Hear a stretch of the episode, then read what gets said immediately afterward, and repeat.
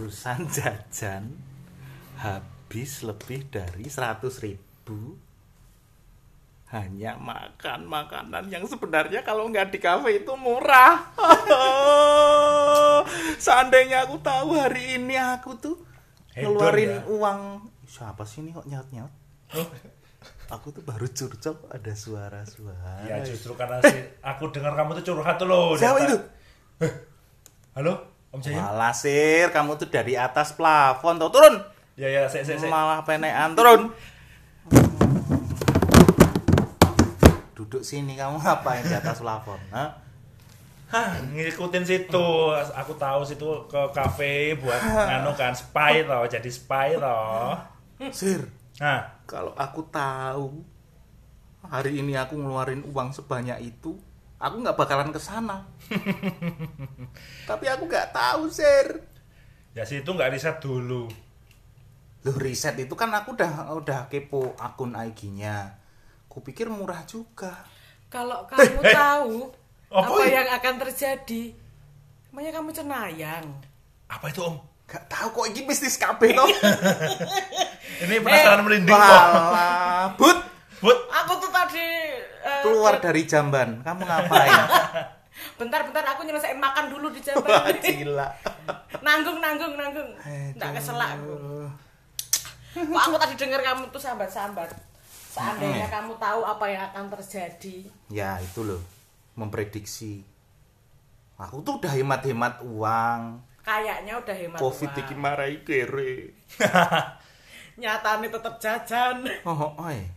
Maksud daki-daki mana jajannya? ya, iya sebenarnya nggak daki itu. Oh. Kupikir kan eh, harga-harga normal toh. Berarti daki yang tidak disengaja ya. Ternyata malah kejeglong. Nah, kejeglong itu loh. Aduh, nek aku tahu, aku bisa memprediksi, aku bisa meramal. Ini tidak keluar uang banyak. Eh, aku hari ini keluar uang banyak, aku nggak akan ke situ. Terus ke mana? Ayo terima neng ngendi ya? Bakso itu deketnya Bude itu. Nah, mie ayam, oh. yang cekernya eh, habis fitness. Oke, sponsor. Itu murah itu kan. Ya besok lagi tuh ya kira-kira om. Oke. Sapa meneh? Iki sapa meneh? Iki sapa meneh? Tolong. Kita ada di mana tuh ini? Tadi dari gendeng aku lagi makan di jamban dipanggil. Ini siapa ini? Aduh. Iya ya. Baiklah. Jangan khawatir. Eh, Tiba-tiba nggak jangan khawatir tuh. iya, soalnya Soalnya kena- kamu siapa? Nah, Kamu tiba-tiba masuk circle terus jangan khawatir. Seakan-akan kamu tahu kita lagi meng- membicarakan apa gitu loh. Oh iya, jangan sedih, tahu dong. Kok bisa? Iya kan dengerin dari tadi. Jangan dia nempel di belakangmu. Ah. Dari warung Oh. tadi yang mahal itu tadi. Ketempelan. Ketempelan. Ketempelan bayaki. Jos. Gimana, Bay? Gimana, Bay? Oke, jadi kalau dari tadi kan kayaknya ngomongin seandainya atau misalnya, nek Hmm. misal em, aku misal tahu apa yang akan terjadi atau paling nggak ada gambaran lah tentang eh, apa yang bakal menimpaku, jadi aku bisa lebih berhati-hati dalam mengambil keputusan intinya kayak gitu kan. Itu tuh cocok banget nih, cocok banget nih. Pokoknya cocok. Cocok gimana, Bay? Cocok logi. Kamu bisa mau meramal? Aku nggak bisa meramal cuman aku bisa baca tarot Oh, wow. apa? tarot Apa? Empok tarot. Tarot, ramalan dari kartu itu kan. Hehehe. Itu apa aja yang bisa diramal dari kartu tarot? oh apa aja bisa Berapa lama? Eh, berapa lama? Maksudnya durasi dari tarot itu kamu bisa sejauh apa meramal? Akurasinya sejauh apa? Eh, kalau akurasinya sih bisa ya bisa dibilang 80 persen itu tergantung kalau misal si kartunya ini istilahnya kalau di tarot tuh resonate atau enggak sama klien atau orang yang dibacain gitu loh Re, re apa? resonate berresonasi Oh, oke. Kayak getar pada bergetar Bergetar. ya. Saling bergetar gitu, baik. Nah, coba aja, Pak Om. Waduh, kok ora ya? Nah, gimana? Kamu takut menghadapi kenyataan, Mo? Tarot itu bisa meramal yang positif aja atau negatif aja. Kok atau milih? Positif negatif. Kok milih? Kok insecure? Enggak, jadi nek misal di apa namanya pembacaan tarot itu kita ada apa ya istilahnya koyo dokter ki ono sumpah dokter ngono ki kan. Yang iya, jadi kita tuh ada kode etik nah, istilahnya kayak kode etik. Really? Heeh, kalau kalau misal baca tarot itu kita misal sejelek-jeleknya kartu mesti ada ada sisi baik dari kartu itu gitu loh. Nah, kita dituntut gimana caranya biar bisa nyampein si kartu itu nggak melulu buruk-buruknya aja, Oh, tapi biar bisa bikin si klien juga punya pandangan positif tentang kartu itu gitu loh. ada hope, ada positivism. Hmm, ember. Eh, Gimana, Om? Ini- Masih insecure nggak? Oke, ini mau ramal dulu, langsung praktek atau bedah tarot satu-satu dulu. Kayaknya enakan kalau uh, nyoba dulu, terus Ah, nanti kita baru tahu. Kan kita belum lihat kartu-kartu Oke, kayak gimana. oke. Benar Aku sekali. belum pernah juga soalnya. Oke. Om jangan dulu, Om jangan dulu. Yang baru Oh apes hari iya, ini. yang, yang hari ini apes. Oke. Oke, jadi biasanya kalau misal aku baca tarot tuh biasanya uh, dari si klien dia punya sesuatu yang sedang dipikirkan atau kita bisa sebut dengan masalah gitulah ya. Hmm. Yang Banyak. uh, ya bisa banyak, bisa sedikit. Cuma siapa sih yang hidupnya nggak ada masalah kan? Betul. Nah, Itu- tapi uh, di sini tuh kayak yang dari banyak banget masalah itu ada satu yang di- jadi titik fokus gitu loh. Dan biasanya klien itu dibacain yang itu, entah masalah asmara, keuangan, karir, macam-macam, kesehatan, keluarga, segala macam hubungan dengan orang lain gitu. Oh, berarti biar spesifik gitu ya. Mm, Biar jadi fokus. pembacaannya juga uh, lebih fokus. Tapi kalau misal mau general juga bisa. Jadi gimana? Sedang ada apa? Asmara. Itu isinya masalah semua. Asmara iya, keuangan miring. Apalagi keluarga, karir juga eh, lagi nganggur. Gara-gara kopet. Menurut menurutmu anu apa yang yang apa ya sing menarik kalau kalau kalau eh, diramal di di di apa ya yang biasa kamu lakukan untuk klien-klienmu? Aku aku biasanya ini sih mesti uh, kalau misal si klien juga bingung gitu ya saking banyaknya masalah. biasanya tebarannya tebaran umum dulu. Oh, gitu. ya. Boleh, boleh. Tebaran tuh tema yang Ngikut, mau ngikut. dianalisa. Tebaran itu kan nanti kan Topik dikocok nih, terus ditebar. Nah, terus dibaca. Nah, itu namanya tebaran kartu. Ah, ngocoknya tangan kiri kanan. Eh, dua tangan dong. Oh, Mulai. Oh, soalnya biasanya kanan. Apa? Apa tuh? Eh, aduh, Waduh, iki pertanda apa kok ada satu kartu jatuh ini? Aku nggak pinter ngocok berarti. berapa lama ngocoknya? Sampai, puas. Iya, sampai puas. Mau lemes.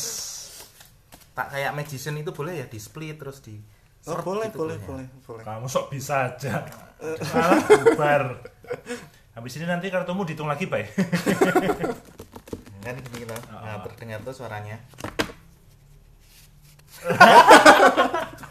Kok hilang suaranya? Satu, dua, tiga, empat, lima, enam, tujuh, delapan, sembilan. Nah, udah, Dan ya. udah. Jadi tadinya belum kenal, belum kenal. Sul- Sulap wae. Oke, sekarang kartunya udah dikocok sama Mas Jayan. Jadi pengocokan kartu itu simbol dari apa ya? Si kartu ini lagi membaca Mas Jayan. Oke. Jadi energinya lagi dibaca Oh, sama biar kartunya. sinkron ya. Mm-mm. Sekarang ambil tiga kartu. Bebas. Setelah di Kok aku yang ditekan ya, Om ya? ini sama Bang Haki dijabar dijabarkan di Di rendet guys, di, opo Pak? disebar terus saya harus milih tiga kartu secara random Dua. aku adil aku ada yang Ya, masih deg-degan. tiga sudah Oke, sekarang tentuin kartu yang sat- nomor satu mana, nomor dua mana, nomor tiga mana. Prioritas. ini terlihat beda nomor satu udah gini Satu, dua, tiga gitu Ya. Oke, kartu yang satu ini biasanya Oke, jadi kartu tebaran tiga ini adalah tebaran uh, past, present, future. Jadi masa lalu, terus yang tengah ini masa sekarang, terus yang ketiga ini yang akan datang. Ih tanganku tremor. Oke jadi kalau kartu yang pertama ini eh, kartu yang mas eh, Giant pilih kayak Knight of Knight of Pentacles gitu ya. Dan ketiga tiganya ini kalau diperhatiin kartunya Pentacles semua. Nah iya. Ya ini pertanda bagus nih. Tapi. Jadi kalau kartu si yang Knight of Pentacles ini eh, mungkin Mas eh, Jenny merasa kayak di masa-masa sebelumnya mas, atau at the past gitu ya kayak masa lalu gitu ngerasa wah urip iki wabot tenin nggo golek duit ki wangel tenin jadi kayak bener-bener merupakan sebuah apa ya beban sih wabot lah jangan pokoknya. nangis om Bisa berhenti di sini. Kau udah kebuka. belum belum udah dibuka. Ini soalnya diibaratkan sama si satu koin dan si knight itu kan di mana-mana dia selalu berjuang kan. Betul. Eh, salah satu yang berjuang di dalam suatu eh, apa sih namanya eh, istana gitu kan ada knight terus dia nanti berjuang. Dan di situ tuh memang kelihatan perjuangan yang memang sangat ya bisa dibilang berat tapi itu juga worth it gitu loh mas. Jadi memang ngoyo banget tapi yang dihasilkan pun nggak sedikit. Ya. gitu. Itu di pas. Di pas om. Heeh. present nih. Ini sebenarnya harusnya three of pentacles. Soalnya ini ada tiga. Satu dua tiga. Oke. semua ini tipe sih. Oh. oke jadi kalau yang kartu sekarang itu eh, disuruh buat apa ya istilahnya kalau bisa tuh pinter-pinter ngatur gimana keuangan yang udah ada hmm, cocok soalnya dia kan ada tiga sisi nih atas kanan kiri Ah, jadi ah. gimana dari Mas Jayan Kura-kura eh, itu ya? Heeh. Di sini adalah si representasi si kura-kura ini representasi dari diri Mas Jayan ke diri kamu sendiri. Jadi gimana kamu bisa membatasi pengeluaran. Terus ini dengan orang lain si kuda ini. Terus yang ini tuh dengan yang di atas. Oh. Heeh, jadi jangan lupa untuk bersedekah. Oi. sedekahmu di kafe sih om gitu. Terus untuk kartu yang terakhir Nine Nah. of Pentacles nih satu dua tiga empat lima enam tujuh delapan sembilan. Ya jadi ada 9 koin. Dia kelihatan lagi ngitung duit kan di bawah pohon Ah, ah. koin nih. Nah ini tuh pertanda bagus banget. Jadi apa namanya bisa jadi eh, kerja keras yang dilakuin sama Mas Jaya di masa lalu berbuah baik di masa yang akan depan gitu loh. Jadi kayak ibaratnya eh, dulu tuh kayak membangun relasi-relasi yang pada masa yang akan datang eh, akan memberikan rezeki-rezeki yang nggak diduga sama Mas Jain. Kapan ini? Setelah ini terlewati, setelah kamu bersedekah itu loh om.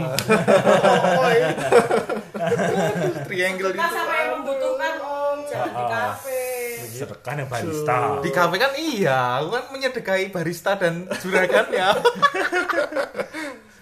gitu jadi karena sebenarnya kalau misal bacaan umum tuh bisa sangat general tapi nggak tahu kenapa tadi keluarnya kan koin semua nih. Jadi langsung aku arahin ke Keuangan. sekalian keuangan sekalian gitu Hak ini kok iya kok bisa sama ya? Jadi teman-teman logo atau gambar di kartunya itu bintang dengan dengan lingkaran yang mengelilinginya itu tiga kartu itu sama.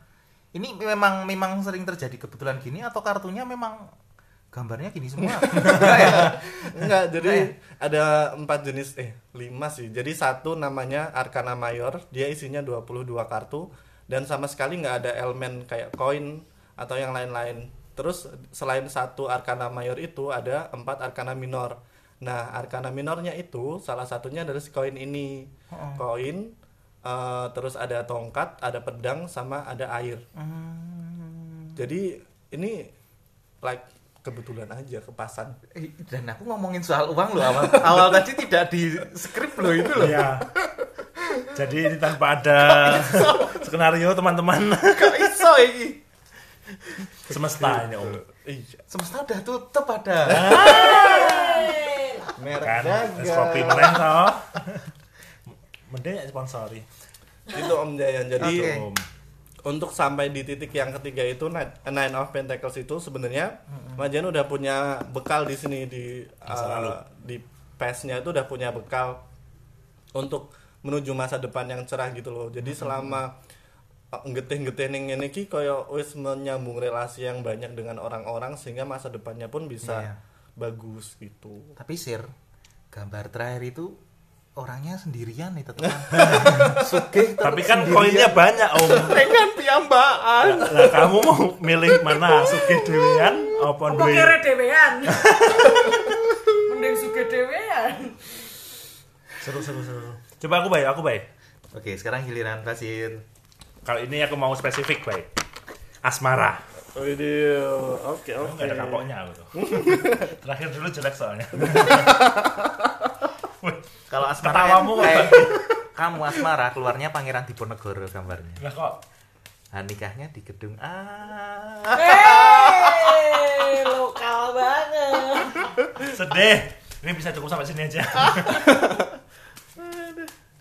Aku dulu tuh pernah tapi eh, sama orang yang istilahnya apa sih hipnoterapi. Hmm, hmm. Nah, dia juga pakai kartu tarot itu. Tapi dia lebih ke apa ya ya ya kayak terapi itu, terapi apa yang masa lalunya terus dia dengan kartu itu dia bisa menyembuhkan gitu loh. Iya, hmm. Apa yang harus kamu Itu juga tarot bukan, Bay? Bisa sih, soalnya sebenarnya dari tarot itu macam-macam. Ada yang dia pakai kayak psikologis orang, jadi kayak misal eh, dia akan baca masalah orang itu gitu, terus kayak masa lalunya, terus hal-hal yang sebenarnya kalau di tarot itu kita cuma ngeluarin eh, apa ya bacaan yang sebenarnya orang itu udah tahu jawabannya Ah, apa. Cuman mengingatkan ya. kita kayak mencoba ngambil dari alam bawah sadar dia, dia biar dia itu sadar gitu loh. Tapi ini tadi kena banget ya yang yang kemudian triangle itu loh. Jadi baik, aku udah baik. Kita coba ya asmaraku Om ya. Kita coba ya. Oke, ini udah ada calon belum? Hah, belum. Oke. Kamu kok gitu? Enggak, soalnya kalau misal ada calon sama belum ada calon itu tuh barannya beda. Oh, beda? Beda. belum ada, guys. Kalau kalau udah ada calon, aku suruh ngambil empat. Belum Karena ada, berarti ngambil? spesifik. Kalau belum ada tiga. Oh, tiga Maksudnya ke umum juga tapi asmara. Apa bedanya kamu disuruh ngambil 3 dan 4 di semua hal? Kalau yang empat khusus asmara, nanti representasinya beda. Oh. Kalau tadi kan tiga pas present future. Oh, ah. Kalau Oh. yang empat ini nanti dia yang pertama adalah representasi kartu Mas Basir. Kalau yang kedua itu kartu doi. Ketiga tuh kondisi sekarang. Keempat yang akan datang. Oke. Udah nih, satu, dua, tiga. Basir sudah ngambil tiga kartu secara acak Asmara. dengan tebaran yang sama denganku tadi. Kok ketawa kamu baik buka kartu? Waduh. sudah ketawa-tawa melihat kartu yang dibuka. Wah, koin lagi Om. Deskripsikan hai apa eh, gambarnya apa aja tolong. Oke, jadi kartu pertama itu kartu The World. Ya. The World itu masuk ke Arkana Mayor yang tadi aku bilang dia tidak ter apa namanya terindikasi dari ada koin atau apa segala macam cuman dia emang mayor ada 22 kartu salah satunya The World ini dan kartu The World ini sebenarnya adalah kartu paling bagus di antara tumpukan kartu satu deck kartu 78 Really? ini. iya kartu Tapi- The World itu adalah kartu yang terbaik tapi sayangnya dia past muncul ya. di masa lalu Oh, nomor nomor tiganya ini, Ini tadi. satu. nomor satu Oh, nomor satu. In the past ini Om. Ya, memang sih waktu in the past itu agak kayaknya sangat bahagia, bahagia sekali. gitu. Pernah bahagia saya dulu. You were happy. Yes, saya. kayak it was perfect gitu kan Seluruh dunia tahu. Mm-mm. kayak dunia milik berdua Oke, lanjut. Iya. Terus presentnya ini the tower nah the tower ini, Ini- kalau di gambarnya itu kok ngeri baik. Ini gambar tower, gambar menara kayak menara pisah yang ambruk, eh, retak. Bisa Eiffel. Oh ya Eiffel kok bisa sih? Eiffel yang kena petir kena petir dan dia terus patah. patah. di tengah terus ambruk gitu Oh, terus orang-orang mengolok-olok ini. Gak, gak, gak, gak, gak, mau gak. taro, mau taro. jadi kalau kartu the tower ini sebenarnya memang nggak- bukan kartu yang cukup bagus sih di bacaan apa pun. Dia bisa dilihat dari kartunya juga kayaknya suram gitu ya. Ya. terus eh, apa namanya dia kena petir kena badai Kok aku bahagia ya? terus si towernya ini jatuh gitu kan. Bener, nah bener, bener, bener, itu sudah apa ya simbol-simbol ini tuh udah kayak eh, sedikit banyak merepresentasikan apa yang bakal aku omongin jadi perlu dilanjut apa enggak nih Perlu kan eh, etika tarot harus jujur iya ya. Jujur. jujur Ya, jujur lah. Cuma-. Iya, jadi ada badai lah istilahnya dalam kartu the world tadi yang kayaknya udah sangat sempurna gitu. Hmm. terus tahu-tahu ada negara api menyerang eh, negara api menyerang terus semuanya tidak sesuai dengan yang direncanakan ya sebelumnya itu benar sekali Tuh, tapi kartu The Tower juga sebuah kartu eh, yang bikin kita untuk selalu ingat bahwa badai pasti akan berlalu. Gitu. Jadi walaupun kayaknya badai, petir terus semuanya porak-poranda gitu kan jatuh, patah gitu kan. Cuman biasanya tuh Ambiar. ambiar iya, cuma habis ambiar kan mesti apa biar si apa namanya si tower ini itu tadi representasi dari sebuah kehancuran cuman eh, selalu ada benih-benih harapan setelah badai berlalu gitu loh. Ah iya iya iya intinya kayak gitu. Oke, oke. jadi jangan patah semangat.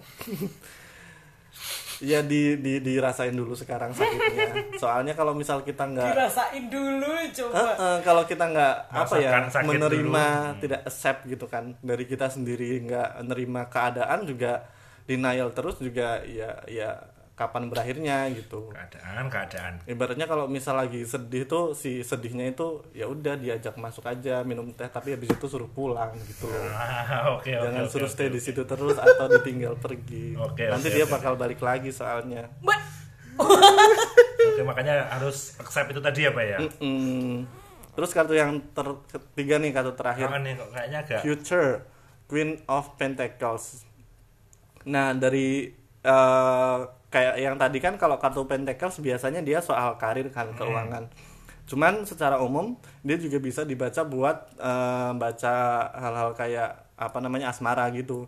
Di sini kan ada kayak mbak-mbak gitu kan ya, ngasih ngasih koin ya apa itu apa ngasih itu sesuatu lah dia nggak kelihatan ngasih besek. apa ngasih sesuatu ke ke orang lain gitu Ya. intinya gitu. Nah, kalau di sini aku bisa lihat eh, suatu saat nanti ketika Mas Basir udah bisa menerima semuanya, udah kayak mungkin bahkan sampai udah pada titik capek mencari, akhirnya akan ada yang menemukanmu gitu loh. Mas. iya iya iya iya. Oh. Ini Basir yang Ya, pink ini- kan? ini, oh, ini. Pasir yang di bar, yang diberi. yang dikasihin Yang itu loh. Jadi kayak eh, seseorang eventually akan nemuin Mas Basir dalam kondisi apa pun gitu loh dan menerimamu dalam kondisi apa pun gitu. Oh, oke oke oke oke. Intinya begitu sih Mas. Cuman ya ini kamu sudah berhasil untuk berdamai dengan kartu tower belum? belum Nah, dong itu.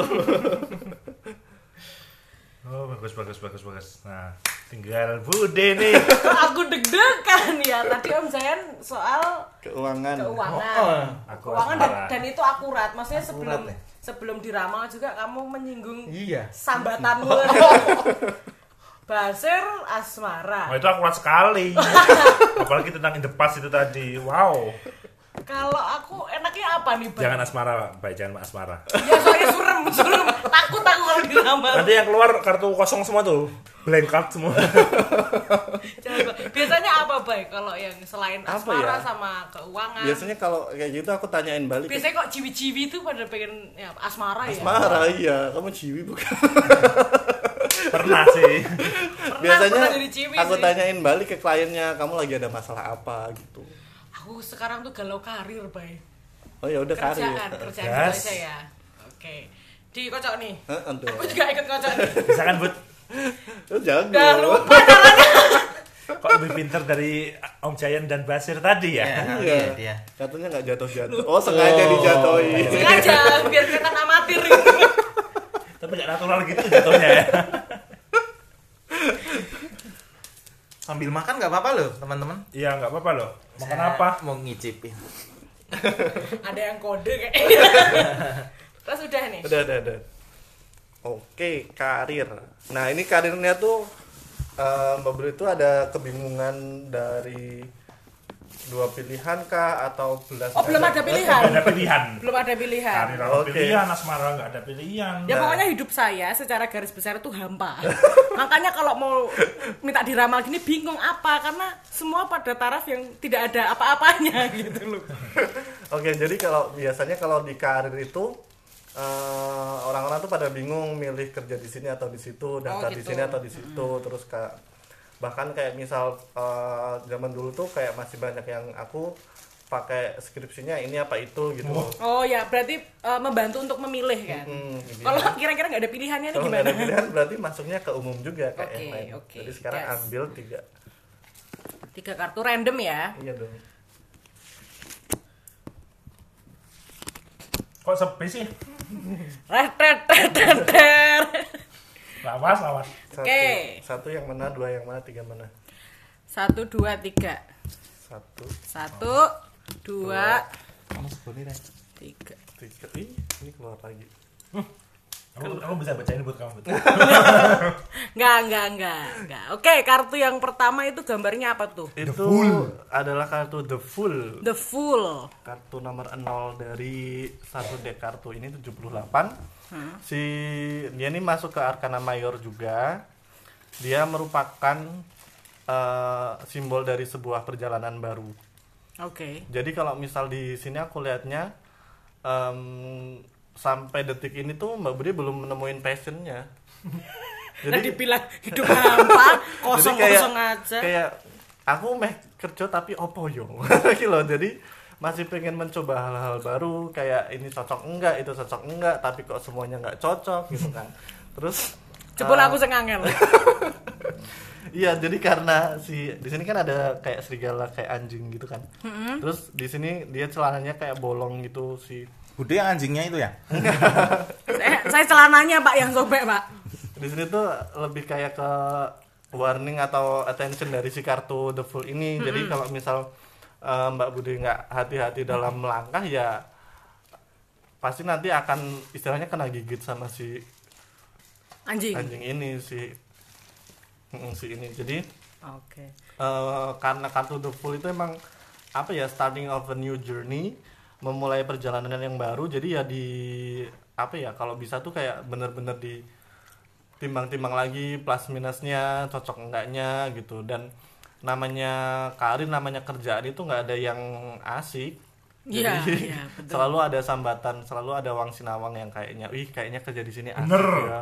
Ih kayaknya gajinya gede ya. Tapi kan ya eh, Begitu gede- menjalani tahu jadi Heeh, tahu aslinya. Terus nanti kayak yang aduh ternyata gini banget ya kerjanya. Tidak seperti yang Bayangkan dibayangkan sebelumnya, Betul. Tapi Oke. ini kartu anu pas. Pas. Nah kartu present.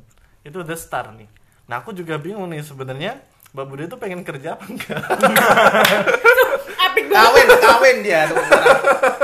Semua pertanyaanmu kok epic banget loh. Hmm, Kenapa? Kenapa bisa muncul pertanyaan itu? karena kartu the star ini kartu nyaman gitu loh Nah, toh. kamu nyaman nganggur Nah, Emang siapa yang nggak nyaman nganggur?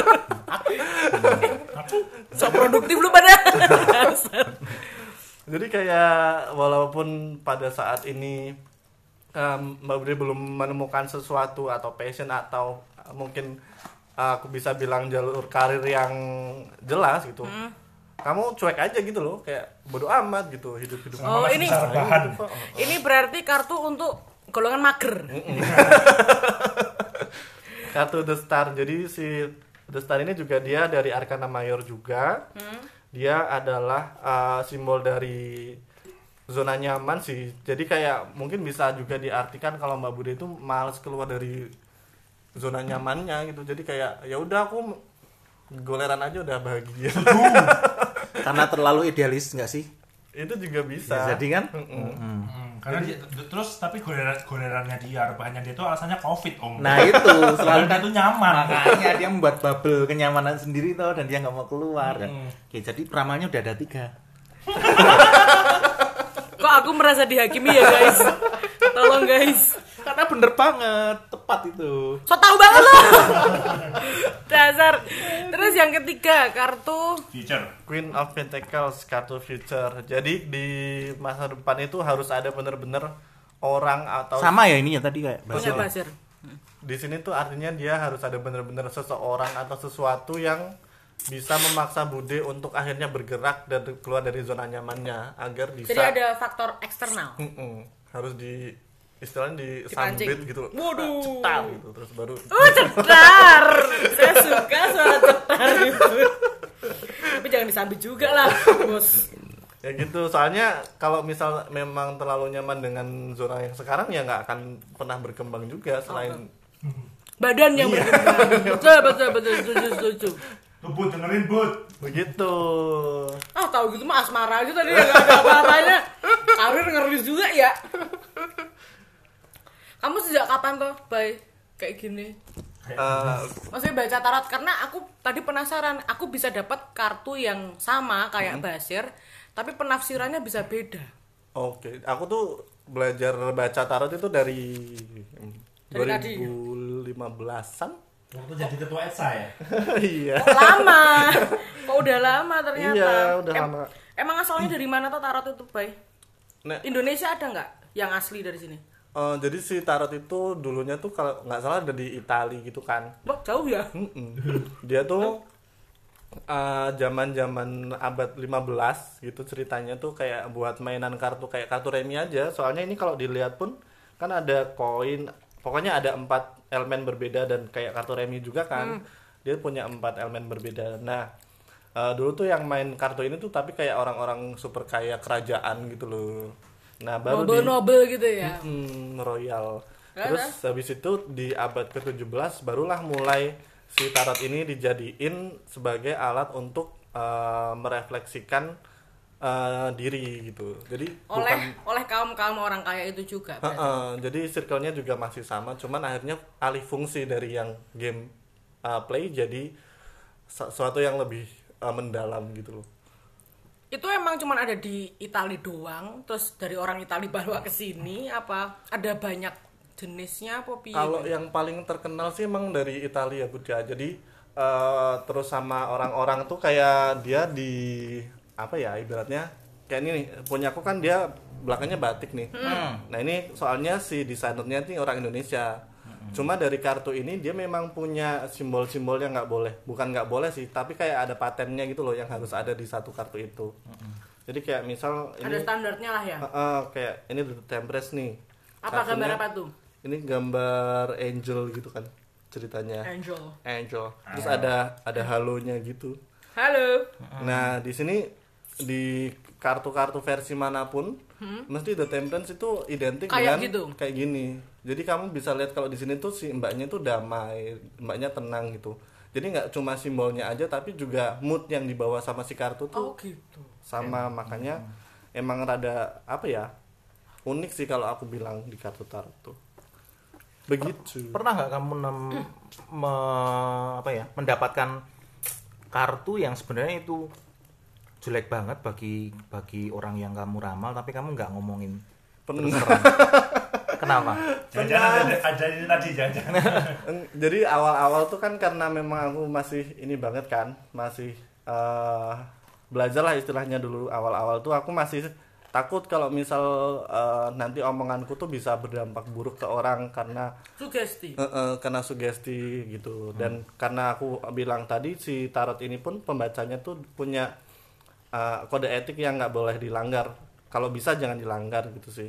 Salah satunya itu tadi seburuk-buruk apa pun kartu ya sebisa mungkin dibaca ada sisi positifnya gitu. Dan memang dari semua kartu ini pun sebenarnya ada kartu positifnya. Termasuk di sini salah satunya tuh ada kartu death atau kartu kematian. Ini dia gambarnya adalah apa sih ini dewa kematian gitu kan. Bawa celurit gitu. Cuman kalau misal uh, kamu lagi buka kamu ada nih klien lagi galau terus tahu-tahu kartunya dead gitu kan takut ya.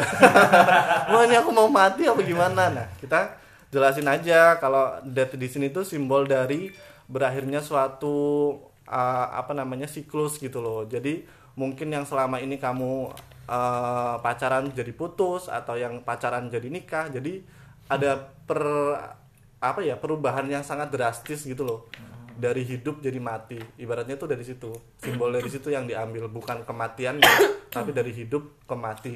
Kan pindah alam tuh. Ya. nah jadi kayak misal dari nggak kerja jadi dapat kerja.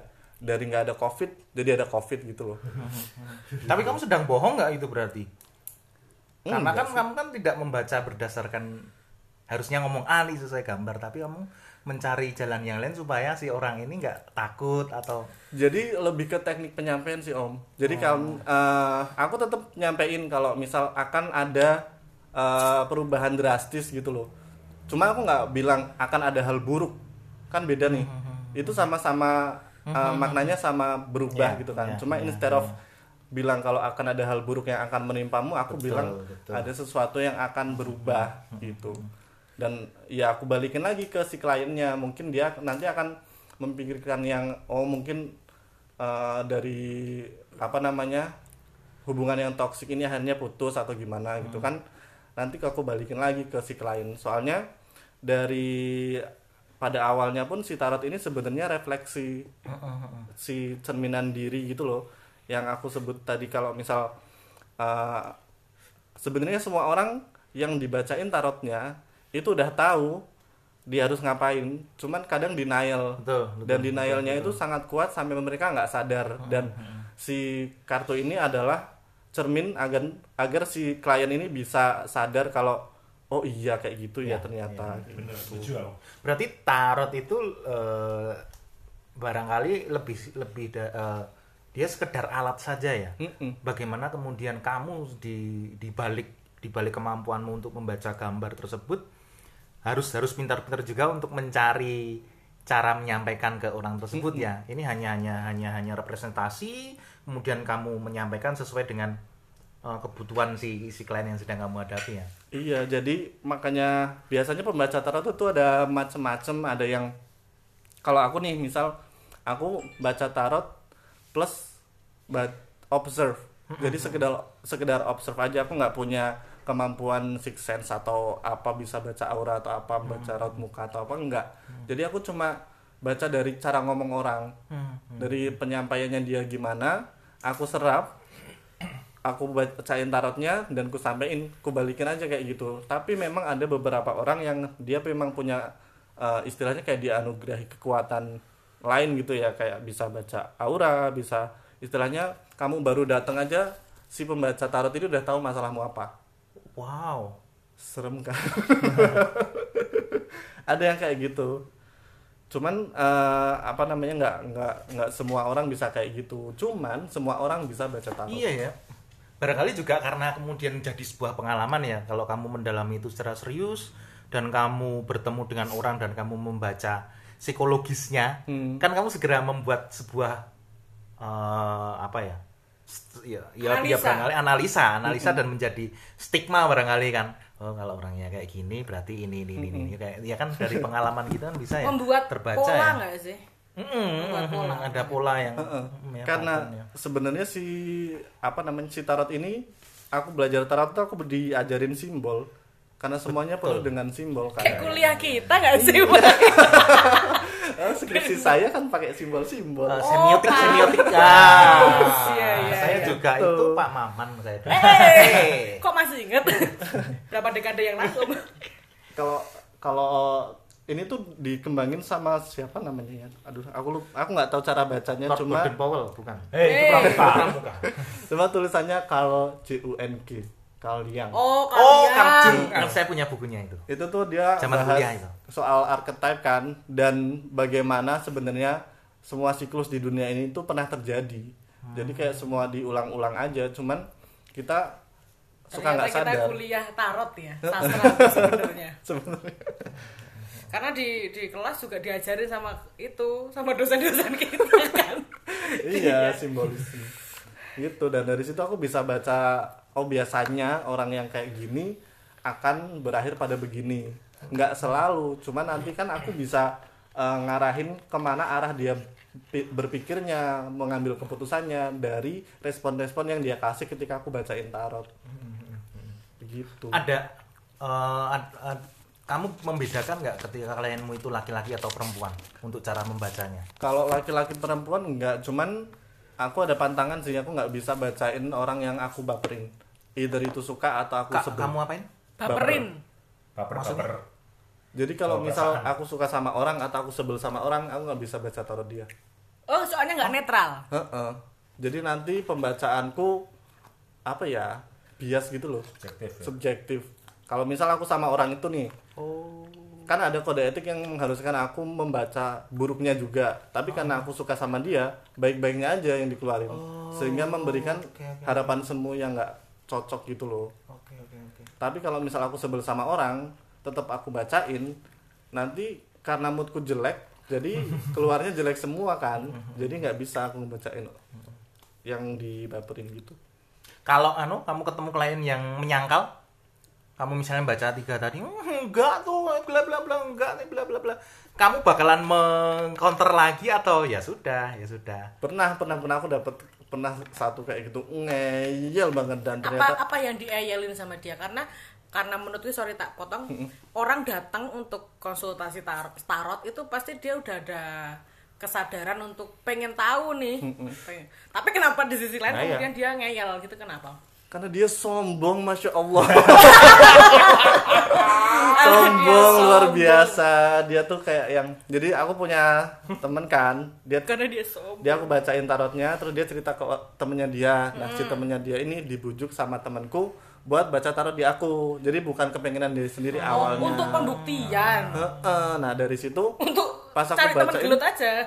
Pas aku bacain tuh kayak semuanya enggak ah enggak ah enggak gitu enggak gitu gitu. Tapi dari situ aku malah jadi tahu oh ber- berarti memang orangnya bukan yang dia sedang butuh untuk dibacain tapi butuh pembenaran kalau dia itu eh, apa yang dilakuin tuh benar. Jadi Oh, itu iya, kayak iya, ibaratnya orang denial gitu kan. Dia tuh udah tingkat dewa gitu loh denialnya. Jadi udah udah nggak bisa ditolong. nggak bisa ditolong. Aku udah kalau udah ketemu klien kayak gitu ya ya udah aku bisa bacanya kayak gini kalau sesuai ya eh syukur kalau enggak ya ya udah toh kartu dua Betul, betul, betul. jadi aku nggak nggak nggak begitu ambil pusing sih. Yang penting aku udah bacain aja. Di, di Indonesia ada nggak sih profesi pembaca tarot yang yang ya profesional kemudian dan dibayar dan? Ada ada ada. Jadi eh, dulu kan aku pernah kerja di kafe kan. Eh, terus di kafe itu kayak pas eh, acara tahun baruan apa ya? Itu ngadain open tarot reading gitu sama madam siapa gitu aku lupa. Ah, terus eh, ternyata pas di hari hanya dia nggak bisa datang karena mungkin ada kafe lain yang berani bayar lebih mahal gitu. cuan cuan cuan. terus akhirnya yang datang ke situ adalah anak buahnya. Oke. jadi tuh memang seorang pembaca tarot punya anak buah? Mm, aku juga wah asisten ternyata asisten. Asis. se sebegitunya gitu ya, seprofesional itu itu tarot terus nah yang aku bilang tadi si anak buahnya ini kamu baru masuk tuh ruangan baca tarot dia udah tahu kamu masalahnya apa gila. berarti Baru dia orang buahnya. yang orang yang punya gift ya? Heeh. dia bisa baca aura Sabun ya. eh tidak dong sponsor lagi bayar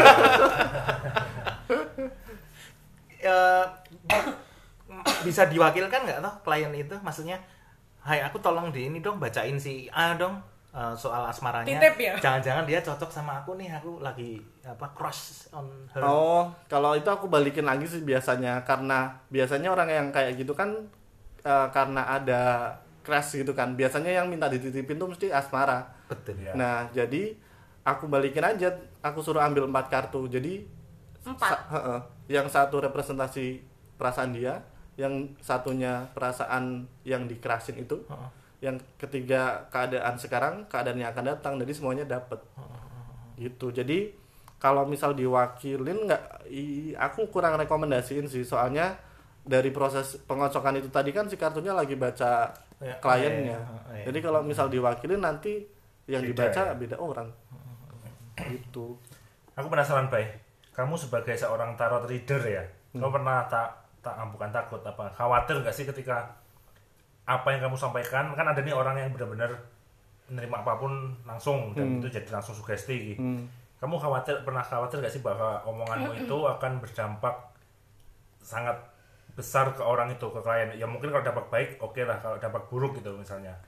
Em, itu makanya aku selalu saring omongan dan itu yang yang bikin capek itu di situ. pemilih diksinya ya Energinya kekuras di situ. Jadi Oh, iya, iya. pernah nih ada kakak tingkat kan dulu. Wah, dia galau banget dan ketika ngeluarin kartu tuh raut mukanya langsung berubah tuh loh terus aku kayak aduh ini cara ngomongnya gimana Itu bukan aku kan? Bukan. Oh, ya bukan dan it was exhausting itu kan aku di dipanjer gitu kan suruh bacain dia lama banget tapi karena lama banget berarti yang minta dianalisa itu banyak tentang satu dia orang tapi ya banyak banget satu Jadi- orang tapi banyak banget Uh, Hal. jadi misal Ngeri. nanti udah kan asmara nih terus terus aku harus gimana terus kan akhirnya buka kartu lagi buka kartu lagi gitu jadi nggak ada habisnya Oh sampai bisa kayak gitu. Jadi kan kita udah milih tiga nih tadi. Heeh. Terus berarti kalau ketika ada pertanyaan buka lagi gitu bisa. bisa jadi kalau misal memang topiknya masih sama gitu uh, dan kayak pengen penjelasan lebih lanjut nih atau ah kok kok belum aku belum dapat gambaran nih bisa gitu tambah satu lagi Oh. buat memperjelas kondisinya Terus akhirnya kartu tambahan itu masuknya ke mana? Ke future kah? Present atau? Aku suruh fokus dia ke pertanyaan yang dia masih bingung itu. Oh ya. jadi kayak misal udah nih aku sebutin past present future. Terus dia mungkin masih uh, gamang di masalah presentnya kan. Terus aku sekarang harus gimana gitu? Sekarang gitu kan. Ya udah aku akan suruh dia untuk oke sekarang kamu fokusin dulu ke sekarang kamu harus gimana pertanyaanmu itu tadi terus ambil satu lagi. Oh. nah nanti kalau udah ambil dibuka bacain lagi gitu Masih belum puas nambah lagi. kalau kartumu habis, sampai sampai bebuih aku mulutnya Moco terus. Kalau berarti syaratnya apa ya kalau mau jadi tarot reader itu pertama-tama? punya kartunya Oh iya. Iya. It- itu beli beli atau nyolong atau iya atau masuk komunitas dulu mungkin. Oh, ada ada komunitasnya. ada ada tapi aku uh, lebih seneng autodidak sih. Jadi kalau misal kartu tarot itu mesti biasanya beli bukunya. Nanti dapat kartu. Paket? Oh. jadi nanti di bukunya itu isinya tiap kartu dijelasin se- separagraf dua paragraf gede gitu soal apa detailnya. Terus berapa ukuran fontnya? Gede? oh, gede gede. Wah, ngeri. 12 apa 14 terus habis itu nanti diajarin tebaran juga. Oke. jadi kayak yang eh, yang general itu kayak tiga tebaran empat kalau buat asmara tebaran dua kalau misal bingung antara dua pilihan tebaran tujuh kalau misal eh, dia masalahnya complicated banget jadi sampai harus eh, dari sumber masalahnya apa terus dari sudut pandangmu kayak gimana, gimana orang lain gimana solusinya apa Oh, wow. fokusnya ke mana gitu tuh ada. Cuman aku males. Banyak banget tujuh Tujuh kartu. Sebentar, kamu bilang solusi tadi itu eh, seberapa persen solusi itu eh, Bekerja. Ya. biasanya em, apa ya aku jarang banget pakai kartu itu sih. Maksudnya tebaran 7 itu. Karena ya aku bilang tadi itu susah buat aku. Jadi si kartu tarot ini sangat personalized gitu loh. Kalau misal kamu nyamannya dengan tebaran 3 tebaran 4 ya maksimalin di situ. Kamu nggak usah sok-sokan mau tebaran 9 terus nanti malah jadi bingung sendiri. Terus tadi ini kartunya apa ya terus nanti salah baca harusnya eh, apa namanya solusi malah yang dibacain sumber masalah gitu Wah, iya Endingnya yang dead tadi. Mamam tuh. gitu Terus menurutmu sendiri bedanya meramal dari tarot dengan ra- media ramal rai, er, lain? Kayak misalnya kan ada nih yang ramal lewat apa namanya garis tangan, dari weton, dari macam-macam. Bedanya apa sama tarot? Kalau aku lihatnya dari pertama apa sih medianya ya. Medianya jelas beda. Terus kalau misal di weton apa segala macam tuh kayak ya itu sesuatu yang memang kita nggak bisa ubah gitu loh. Hmm. dan ketika di kartu tarot itu dia lebih fleksibel gimana si readernya bisa bacain kartunya itu. Soalnya ada beberapa orang yang dia nggak cocok sama reader yang A gitu tapi dia cocok sama aku ada ada yang nggak cocok sama aku tapi dia cocok sama orang lain ada jadi eh, beberapa orang sangat eh, bacanya terus kayak straight to the point gitu loh ini Ya, ya. jelek gitu ya udah dead. Dad, kamu bakal menerima kenyataan pahit gitu. Misal kayak gitu ada. Ada orang yang suka straight to the point kayak gitu. kayak dokter ya kamu berarti. Ada banyak dokter anak tapi cocok-cocokan. Iya. Iya kan? Bisa, bisa, bisa. Kalau kamu membaca orang tanpa tarot bisa nggak? Kemudian misalnya orang kemudian udah percaya sama kamu nih kliennya, terus suatu, suatu saat bikin janjian sama kamu, anu dong ngobrol dong, aku pengen curhat sama kamu. Wes, nggak usah pakai kartu itu bisa nggak? Kemudian dia cerita, terus Bisa. Analisamu berdasar barangkali berangkatnya Uh, uh, juga jadi- tetap dari kartu gitu kan? Biasanya kan dulu apa namanya ada satu orang dia tuh kayak masalahnya berputar di situ terus Ya. gitu loh. Oh. Jadi kayak Sel, Basir meneh. berkutat di situ terus dan namanya people change but people don't really change gitu kan Ya. jadi aku balikin ke konsepan itu aja dia memang pengen berubah cuman kalau udah watek akan susah dan ketika dia balik ke aku lagi dia cerita hal yang sama lagi ya mau gimana lagi kalau solusinya masa ganti gitu kan tetap aja balikin ke dirinya dia sendirilah orang kamunya masih ngerasa misal nih dia eh, mas apa ya no offense ya mas Iya, jadi iya. kayak misal masih nggak bisa move on gitu kan Aku udah bisa kok. Banyak dia. Aku udah bisa kok. atau gimana gitu kan terus eh pertama dia oke mungkin aku bacain kartunya besok besok dia nanya dengan hal yang sama ya aku juga Alah udah nggak usah pakai kartu kamu tuh Ah, cuma ah, butuh ah, ini loh ini bebal udah ya, kamu. Heeh, udah kamu lakuin belum soalnya kadang tuh kayak cuma pengen pembenaran aja dari kartu terus aku bilang nggak perlu nggak perlu pakai kartu sebenarnya kamu udah tahu jawabannya gimana cuman kamu nggak mau aja ngelakuin itu Hmm, familiar. Siapa tuh? Kalau improvisasi biar bisa nggak ya?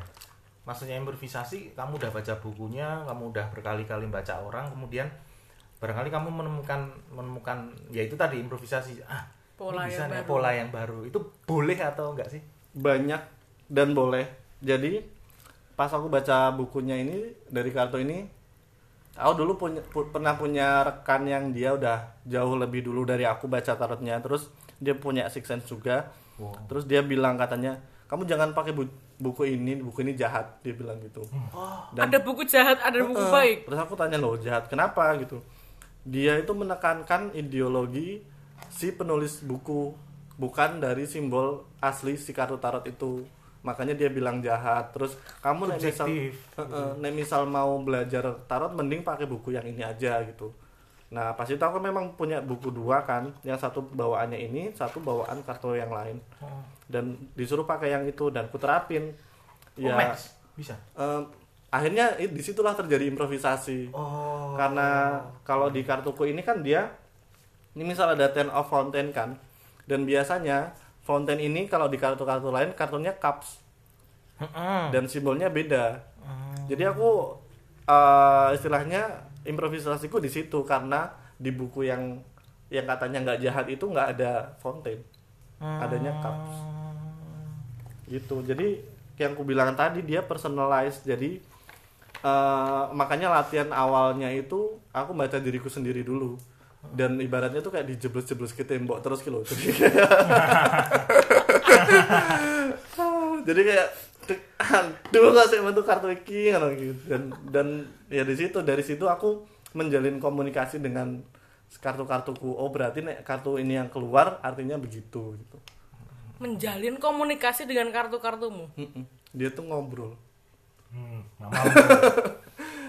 dan kalau Hell. kata, kalau kata si temanku dulu itu dia bilang kalau misal eh, dia udah terikat sama aku jangan sampai kartu itu dibaca sama orang lain jadi buat bacain orang gitu loh Ha. kan ini kan eh, this is my babies gitu kan Ah. terus tiba-tiba ada yang pinjam sini dong aku Jadi ada tak coba." keterikatan emosional juga. Mati nih. Kelangenannya dia. kelangenan. Siji di rumah, di jimat. nanti kalau misal dibacain sama orang koneksinya pudar gitu Terus dibangun lagi. Mm-mm. Dan ada yang bilang kalau misal dia di sering dibawa tidur gitu atau di pokoknya dibawa ke mana-mana dibawa terus nanti semakin cepet resonate sama readernya kayak tadi gitu. Nah punya dia tuh udah beberapa kali ketinggalan di kereta lah di mana di mana cuma balik sendiri. Apa maksudnya balik sendiri, Bos? Jadi aku Beli tiket. entah bagaimana bisa kembali. Bisa bisa kembali ke dia Satu-satu atau se- se- sepaket begini. Satu-satu. Ya, siapa tahu ini yang- ada 70 lebih loh. 70 hari Senin. ah, gua Selasa deh. Entah Mau jalan-jalan dulu soalnya. Dia akan nemuin pemiliknya. Sangar ya. Kayak Gitu. ya iya bener jimat. Nah, siji di rumah tuh mau. Berarti irisan irisan dari pembacaan kartu tarot ini antara eh, dia ilmu apa ya ilmu ilmiah dan dan mistis itu berapa persen berapa persen ya? Kamu tahu nggak? Aku karena selalu kan ada ada ada hubungannya dengan psikologi juga kan itu ilmu ilmiah kan membedah bagaimana manusia itu pola pikir dan sebagainya. Dan ada yang mistisnya yang kemudian ada relasi yang harus dibangun. Nah aku juga nggak nggak begitu yakin sih soal itu. Soalnya ketika aku eh, kadang kan aku di story Instagram tuh suka bikin apa sih tarot reading gitu kan, Ya, ya. yang suruh milih antara satu dua tiga. Dengan orang yang tidak kamu Hmm. kamu nggak face to face Enggak. oh bisa itu Mm-mm, dan dan beberapa pun kadang nanya kok bisa baik cocok gitu. Nah itu aku nggak bisa jelasin. harus dekatkan layar ke itu gitu nggak Nggak. Nggak, jadi misalkan nanti aku udah kocok nih kartunya, aku mewakili eh, apa namanya viewer storyku gitu kan. Aku udah ngocok kartunya, aku pilih tiga kartu buat mereka. Aku kasih A, B, C gitu. Nanti mereka balas story Instagram aku pakai huruf ini A atau B atau C. Ah. Nanti aku kasih hasil bacaannya dan eh, pada bilang cocok dan aku pun nggak tahu kenapa bisa cocok. Soalnya kalau misal dari eh, apa namanya yang tadi katanya energinya Iya. pas ngocok itu kan nggak ini dong nggak sinkron dong. Iya nggak nggak terjadi di situ. Cuman mungkin eh, bisa jadi pas proses pemilihan kartunya itu. Jadi pas sudah aku tentuin tiga itu kan misalnya nih Mas Basir mau milih eh, yang mana ya yang mana ya. Nah, B gitu. nah itu tuh lagi dibaca sama kartunya. Oh, oh sorry upgrade ya.